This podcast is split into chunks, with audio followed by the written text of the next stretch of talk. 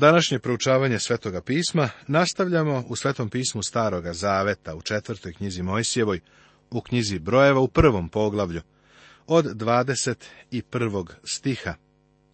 I govorimo o tome kako je popis bio dragocen za ono vreme, da ljudi znaju da su nasljednici aranovi Izraelci. Kako možeš postati sin Božiji? Verom u Isusa Hrista sad ste svi sinovi Božiji. Nema drugog načina. Sin Božiji postaješ verom u Hrista Isusa. A svima koji ga primiše, dade moć da postanu deca Božija, onima što veruju u njegovo ime, kaže Evanđelje po Jovanu u prvom poglavlju. Vlast da se postane sin Božiji data je onima koji prosto veruju u njegovo ime, ni manje ni više i naš rodoslov je važan. Ako smo kroz veru u Hrista, istinska Božja deca, onda smo naslednici Božiji i su nasljednici Hristovi. Ako ste pak vi Hristovi, onda ste Avramovo potomstvo, nasljednici po obećanju, kaže poslanica Galatima u trećem poglavlju. Jer svi koje vodi duh Božiji, ti su sinovi Božiji, Niste na ime primili ropskog duha, da opet strahujete, nego ste primili duha usinovljenja, kojim vičemo Ava oče. Sam duh svedoči s našim duhom da smo deca Božja. Ako smo pak deca, onda smo i naslednici. Naslednici Božiji su naslednici Hristovi.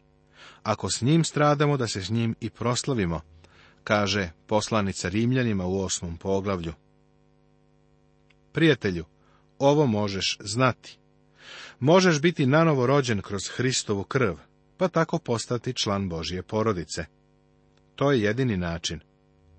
Na današnjem putovanju kroz pustinju, prijatelju, moraš znati ko si. Moraš znati da si Božje dete. Ako u to nisi siguran, treba da postaneš siguran, a to možeš.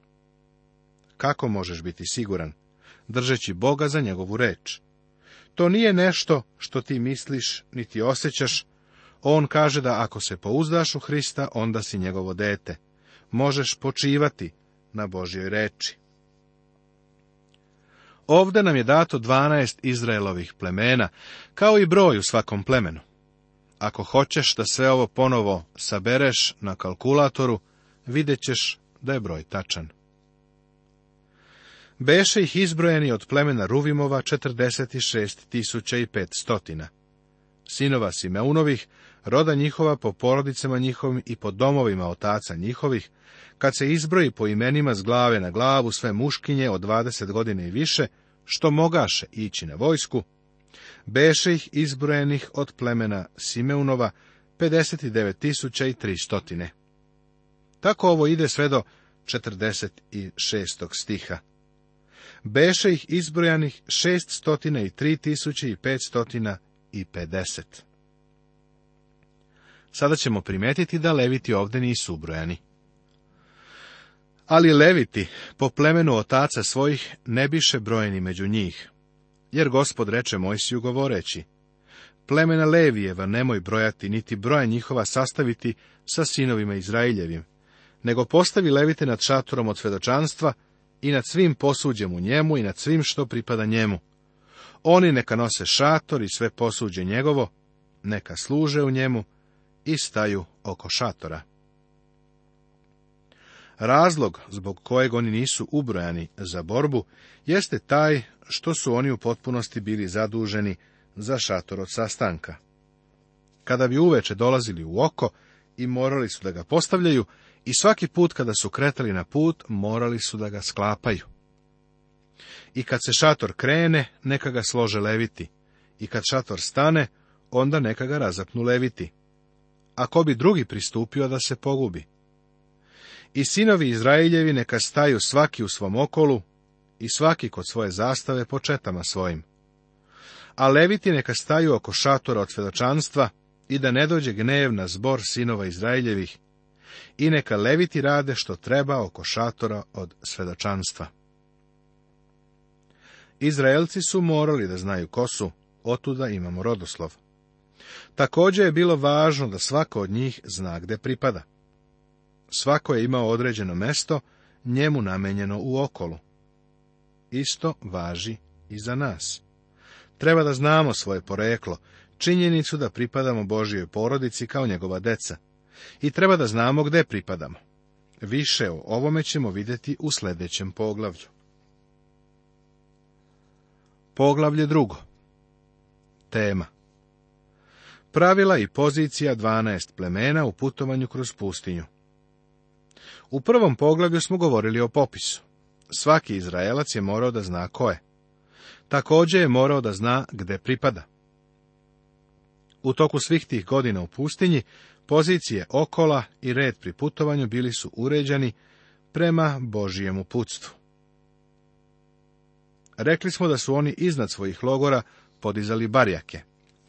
Bile su to zastave koje su postavljene iznad njih. Šta je na njima bilo?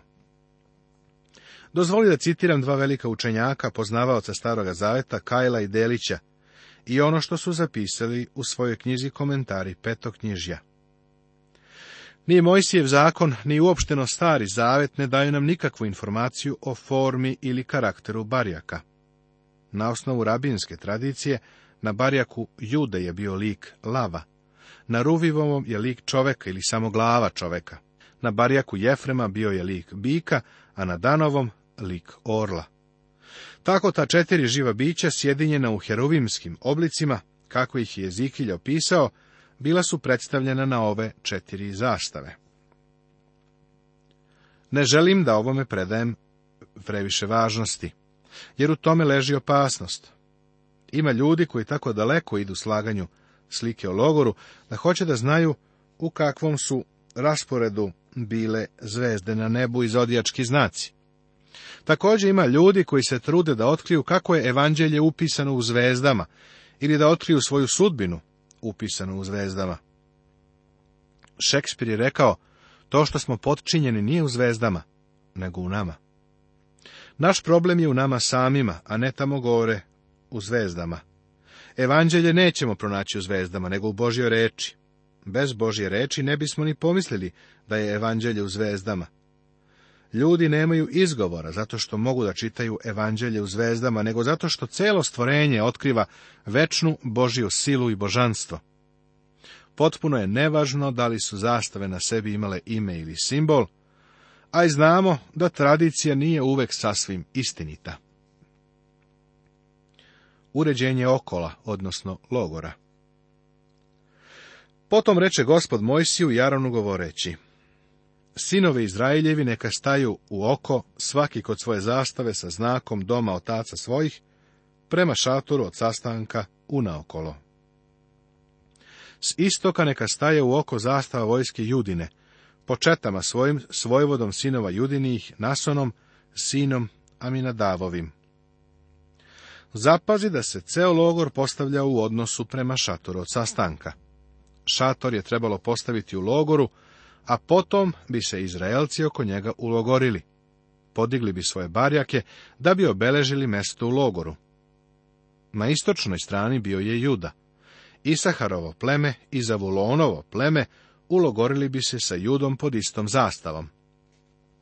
Ako je simbol te zastave bio lav, kada bi ova tri plemena vidjela zastavu sa lavom, znala bi gde pripadaju. A zastava vojske Ruvimove po četama svojim neka bude s juga, svojevodom sina Rumimovih, Elisurom, sinom Sedjurovim. Ruvimovo pleme je bilo na južnoj strani, a Simeunovo i Gadovo bi se ulogorilo sa Ruvimovim. Zastava vojske Jefremove po četama svojim neka bude sa zapada, Svojvodom vojvodom sinova Jefremovih, Elisamom, sinom emjudovim. Na zapadu su se ulogorili Manasija i Venjamin sa Jefremom pod njegovim simbolom. Zastava vojske Danove po četama svojim neka bude sa severa svojvodom sina Danovih, Ahijezerom, sinom Amisadajevim. Asirovo i Neftalimovo pleme logorovalo je sa Danom pod njegovom zastavom. Potomci Izraelovi su logorovali po utvrđenom redu. Svaka porodica u svakom plemenu je znala gde u plemenu pripada. Ali leviti ne biše brojeni među sinove Izraeljeve, kao što gospod beše zapovedio Mojsiju. I učiniše sinovi Izraeljevi sve, kako zapovedi gospod Mojsiju, tako stajahu u oko i tako iđahu svaki po porodici svojoj i po domu otaca svojih. Sada smo vidjeli da su morali znati ko su i gdje pripadaju. Morali su poznavati svoje poreklo da bi znali svoje mesto u logoru ili okolu. U rat nisu mogli ići ako ne bi bili sigurni u svoju poziciju. Isto tako, hrišćansko ratovanje se ne vodi u oblasti sumnji i strahova, nego se vodi u jasnoj svetlosti sigurnog spasenja. Danas su naši neprijatelji svet, telo i đavo. Prijatelju, nadvladat ako u svoje spasenje nisi siguran. Svaka osoba u crkvi gospoda Isusa Hrista ima Bogom dato mesto. Svaku, odnosno celokupnu službu u crkvi, treba da usmerava sveti duh. Znamo da smo svi jednim duhom u jedno telo kršteni. Kada je postavljeno u jedno telo, u njega si ugrađen kao njegov deo. Jer kao što je telo jedno i ima mnoge udove, a svi udovi tela, iako su mnogi, jedno su telo. Tako je i Hristos. Jer svi smo mi jednim duhom kršteni za jedno telo, bili judeji ili grci, bili robovi ili slobodni. I svi smo jednim duhom napojeni. Pa ni telo nije jedan ud, nego mnogi. Kada te gospod stavi u to telo, postavljate tamo da služiš. Svaki vernik ima dar. Ti imaš dar. Korišćenje tog dara je tvoja hrišćanska služba. Ima mnogo delova ljudskog tela i svaki taj deo ima svoju funkciju. Samo u stopolu ima više od 20 kostiju. Tako, u Hristovom telu ima mnogo darova i svako od nas treba da koristi svoj dar. Ti i ja treba da otkrijemo svoje darove, iako sveti duh svakom čoveku da onoliko koliko hoće, verujem da prva poslanica Korinčanima u 12. poglavlju govori da možemo da se molimo i čeznemo za većim darovima. Kao mladić slušao sam kako dr. Aronside poučava iz Biblije. Tada sam se molio gospodu da mi podari da i ja poučavam kao on tada. Bog je na divan način čuo i uslišio moju molitvu. Iako ne poučavam baš kao on, Bog mi je omogućio i dozvolio da imam službu učenja koju sam želeo da imam i koju sam od njega molio. Mislim da iskreno možemo čeznuti za većim darovima, ali treba i da shvatimo da je sve to pod suverenom kontrolom Svetoga Duha. Sećaš li se Dorke? Sećaš se da su, kada je umrla, pozvali Simona Petra i tada su mu udovice pokazale haljine koje im je Dorka sašila. Simon Petar je rekao, bolje bi nam bilo da ovu ženu podignemo iz mrtvih, potrebna je crkvi. I Bog ju je podigao iz mrtvih. Prijatelju, treba da pronađeš svoje mesto u logoru. Da li otimaš tuđe mesto? Da li zauzimaš mesto u crkvi koje stvarno ne možeš da popuniš i koje pripada nekom drugom? Svakog člana naše crkve treba da ohrabrimo da pronađe svoje mesto, a to će razveseliti i najponiznijeg člana crkve. Ti imaš dar i Bog želi da ga koristiš. Ne trudi se da radiš tuđ posao, radi ono na što te je Bog pozvao.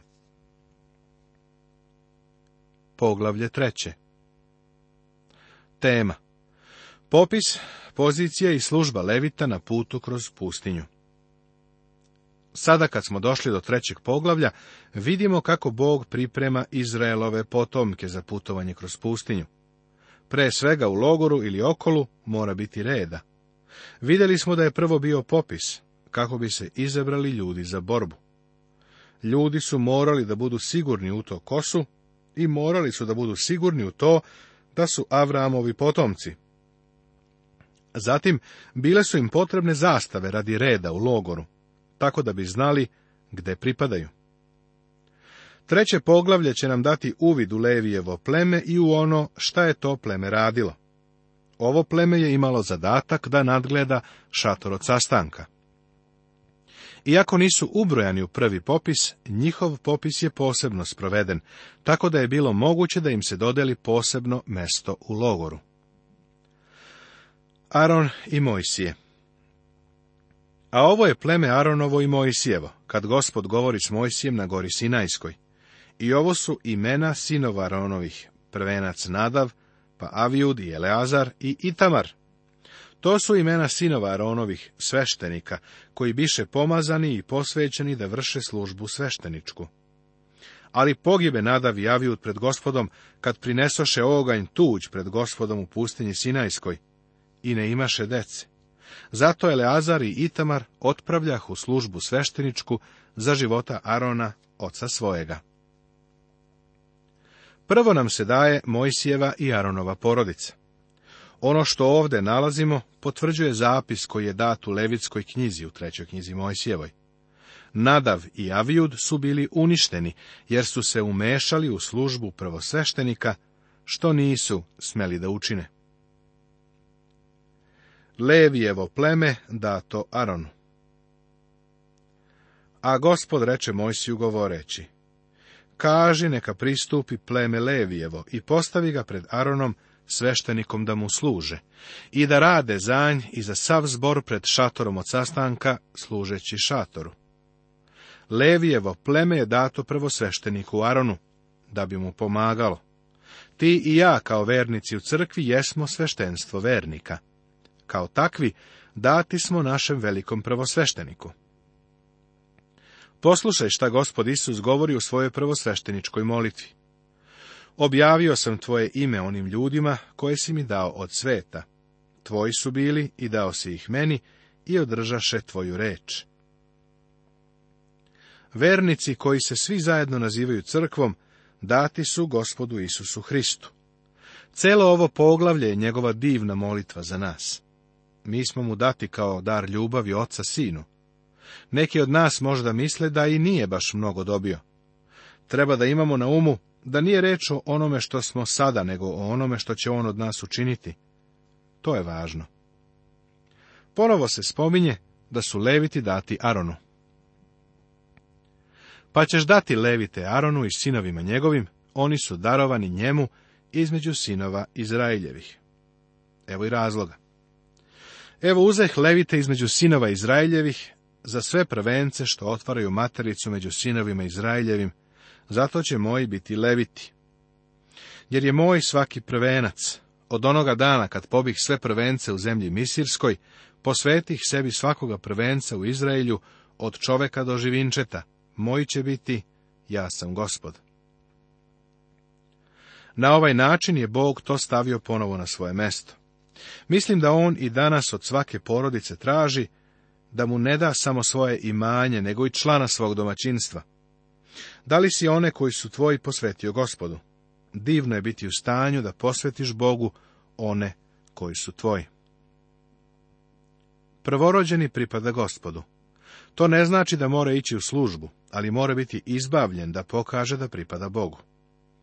U Izraelu Umjesto da se iz svakog plemena uzimao prvorođeni, Bog ih je izbrojao i uzeo je Levijevo pleme.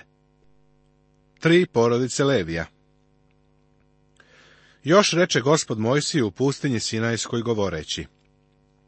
Izbroj sinove Levijeve po domovima otaca njihovih, po porodicama njihovim, sve muškinje od meseca dana i više izbroj. I Mojsije ih izbroji po zapovesti gospodnjoj, kako mu bi zapoveđeno i behu sinovi Levijevi po imenu ovi, Girsoni, Kat i Merarije.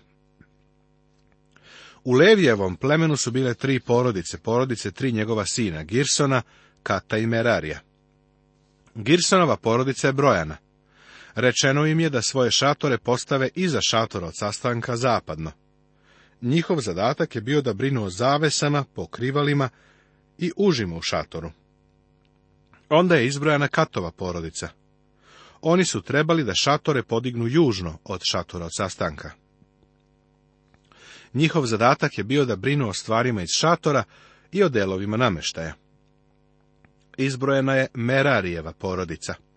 Oni su svoje šatore trebali da postave severno od šatora od sastanka. Njihovo zaduženje je bilo da brinu za daske, šipke, stubove, stopice i sudove u šatoru od sastanka. Sada možemo da zamislimo način na koji su se Izraelci ulogorili na putu kroz pustinju. Šator od sastanka je formirao pravougaonik u centru logora. Drugi pravougaonik je bio formiran oko šatora od sastanka i to od levitskih tabora. Zatim sljedeći, još veći pravougaonik je bio oformljen oko ovoga, a činilo ga je 12 plemena.